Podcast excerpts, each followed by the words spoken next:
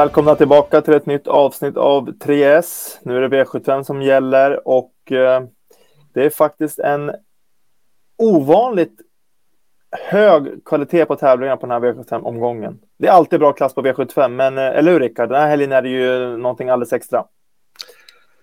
Så är det. Det är ju bland annat eh, Paralympiatravets final eh, som ju eh, är ett bra lopp. Sen har vi finalerna i, i Kungapokalen och Drottning Silvias pokal där.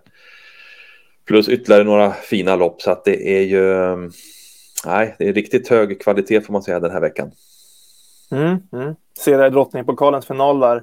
Snackhästen får man väl ändå säga, Jovialet där som kommer från andra sidan Atlanten här har nästan 18 miljoner på kontot. Det är mäktigt alltså att se ett fyraårigt sto med så mycket pengar på på kontot där. Det kan man ju lugnt säga. Det är ju mm. inte många hästar som överhuvudtaget kommer upp i de summorna totalt.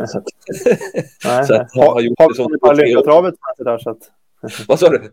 Har vi någon i Paralympiatravet som ens har de eh, pengar på kontot? Det tror jag inte va? Nej, precis. Så att det är ingen där över 10 miljoner till exempel. Så att det är ju, ja, det är extraordinärt att tjäna så mycket pengar som två, treåring får man säga. Ja, ja.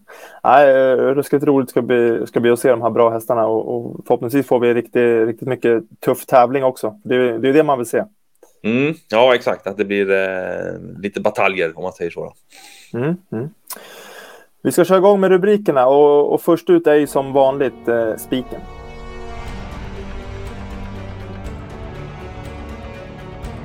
Första rubriken, eh, spiken alltså. Omgångens bästa spik, Rickard. Vart, vart hittar vi den? Ja, vi går faktiskt till ett av storloppen vi pratade om i inledningen där. Paralympiatravets final V75 7. Och vi eh, spikar nummer 6 San Motör. Han är ju klar favorit i loppet, men det tycker vi också att han ska vara. Han ska ses med klart högst vinstchans. Så att vi väljer faktiskt att gå rakt ut på honom. Mm, mm. Intressant. Eh, han var ju struken inför det här och det har varit mycket snack om honom ju och han är klar för Elitloppet och så här. Hur, hur ser du dig framför att det här loppet blir kört för hans del? Har du fått några indikationer på hur Björn tänker lägga upp det? Mm, ja, här, kanske inte från Björn direkt, men man kan ju mm. ana. Vi har ju hört lite från Håkan Arvidsson att han tror ju att Björn kommer um, nog att försöka ladda lite grann om han har hästen med sig då.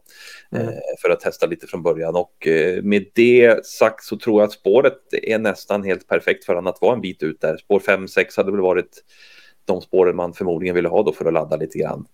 Eh, och gör man det så, ja, jag tror ju de här invändiga hästarna, det tror de har respekt för honom och eh, även om det inte blir spets direkt så finns det ju nog en hög chans att han kan köra sig till spets efter en bit.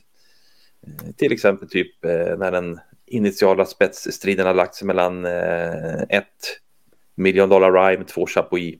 Sen lär väl även tre Mr Hercules försöka blanda sig i det, men ehm, som sagt, jag tror de har väldigt respekt för sig. Och vi ser ju här också i årsdebuten när San Motör var ute på Färjestad och han körde sig till spets mitt i loppet och sedan, ja, det blev ju väldigt lättsam årsdebut för honom, men han vinner ju väldigt enkelt som vi ser där och det skulle han göra också. Nu är det ju hårdare lopp och högre, eh, blir säkert ett tuffare lopp, men han lär ju ha gått framåt med loppet som det låter också från Håkan Arvidsson då, som äger och är med och tränar Sandmotör där.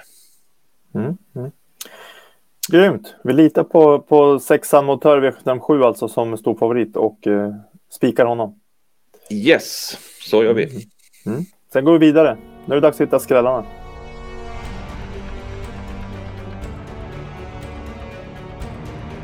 Ja, nästa rubrik är ju alltså skrälloppet. Eh, Rickard, vart har vi skrälloppet?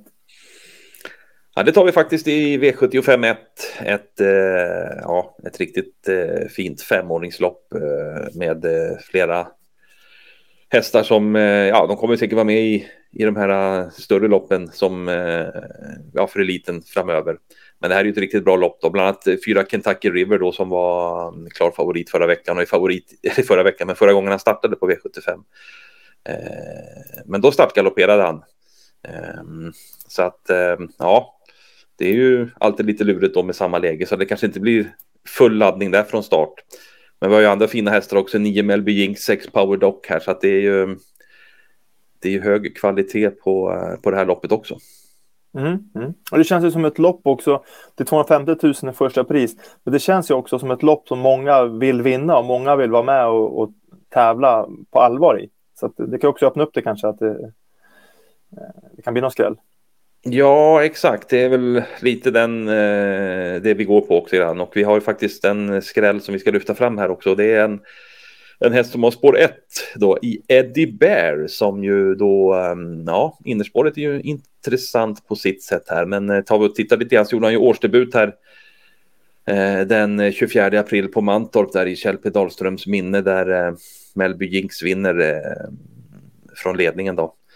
Eddie Bear, han satt ju sist in på upploppet och kom ju längst ut i banan där med en, en härlig spurt.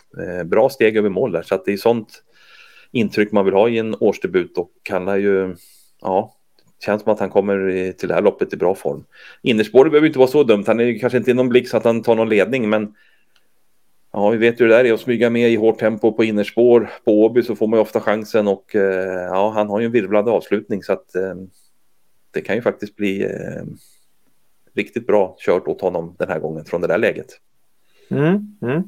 Kul, det är 2-6 också. Han var ju, han var ju trea i derbyt i fjol där och Francesco Zet och Luleås Bocco som var förande mål den gången, de är ju inte med här. Så att eh, han måste väl vara väldigt tidig här, så att han känns ju väldigt bortglömd på spelet eh, just nu. Ja, exakt. Han eh, var ju som du sa där och med och tävlade i, ja, han hävdade sig väl bra får man säga i kulltoppen då i fjol och det är ju sådana hästar han möter igen nu då. De har ju bara blivit ett år äldre och ja, men det här läget är också som, ja, jag tror det kan bli, kan bli riktigt eh, bra. För det är oftast bra att gå på innerspår i de här loppen. Mm, mm. Grymt, men vi garderar alltså V751 som är skrälloppet och så glömmer vi inte att ta med nummer ett, Eddie Bear.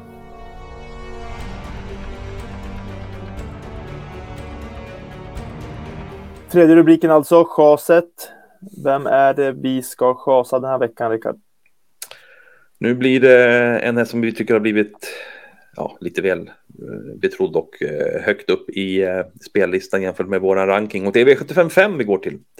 Och hästen har nummer fem och heter Indigo.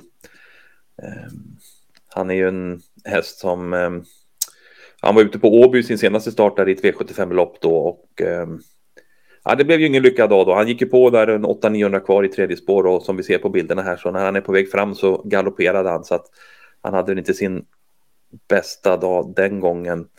Eh, nu är det en häst som trivs väldigt bra med tätkänning och gärna springer i ledningen och så där han brukar få ut sin eh, absolut bästa, eh, bästa av sin kapacitet.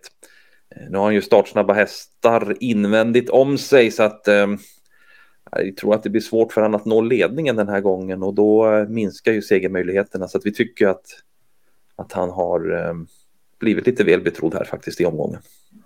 Mm, mm. Jag tror vi har pratat om han tidigare i de här programmen. Han har en tendens att bli lite väl mycket spelad den här Indigo och, och nu dessutom när Björn Goop poppar upp så blir det kanske automatiskt att han får lite väl mycket spel på sig. Mm, jo, precis. Det blir ju så. Det är ju mm, ja, Eh, hade, han, hade vi fått honom till ledningen så är det klart, då ökar hans möjligheter. Men som sagt, vi tror ju att till exempel en sån som tre Dallas och ja, även invändigt har vi två Erwin Darling, att det är svårt för honom att komma förbi eh, dem och de lär inte heller släppa ifrån sig någon ledning till Indigo i, i första hand heller. Så att det gör ju att det blir, eh, ja, tror vi, lite tuffare för honom att vinna den här gången. Mm, mm. Härligt, vi chansar alltså nummer fem Indigo i V755. Och då var vi klara för den här gången. Jag ska köra en liten sammanfattning här på rubrikerna. Vi, vi börjar med att spika nummer 6 Motör i V75 7. Skrälloppet hittar vi i V751 där vi lyfter fram nummer 1 Edeberg som man absolut inte får glömma. Sen chasar vi nummer 5 Indigo i V755 som vi tycker blir lite väl mycket spelad den här gången. Tack så mycket för att ni tittar och lycka till på spelen.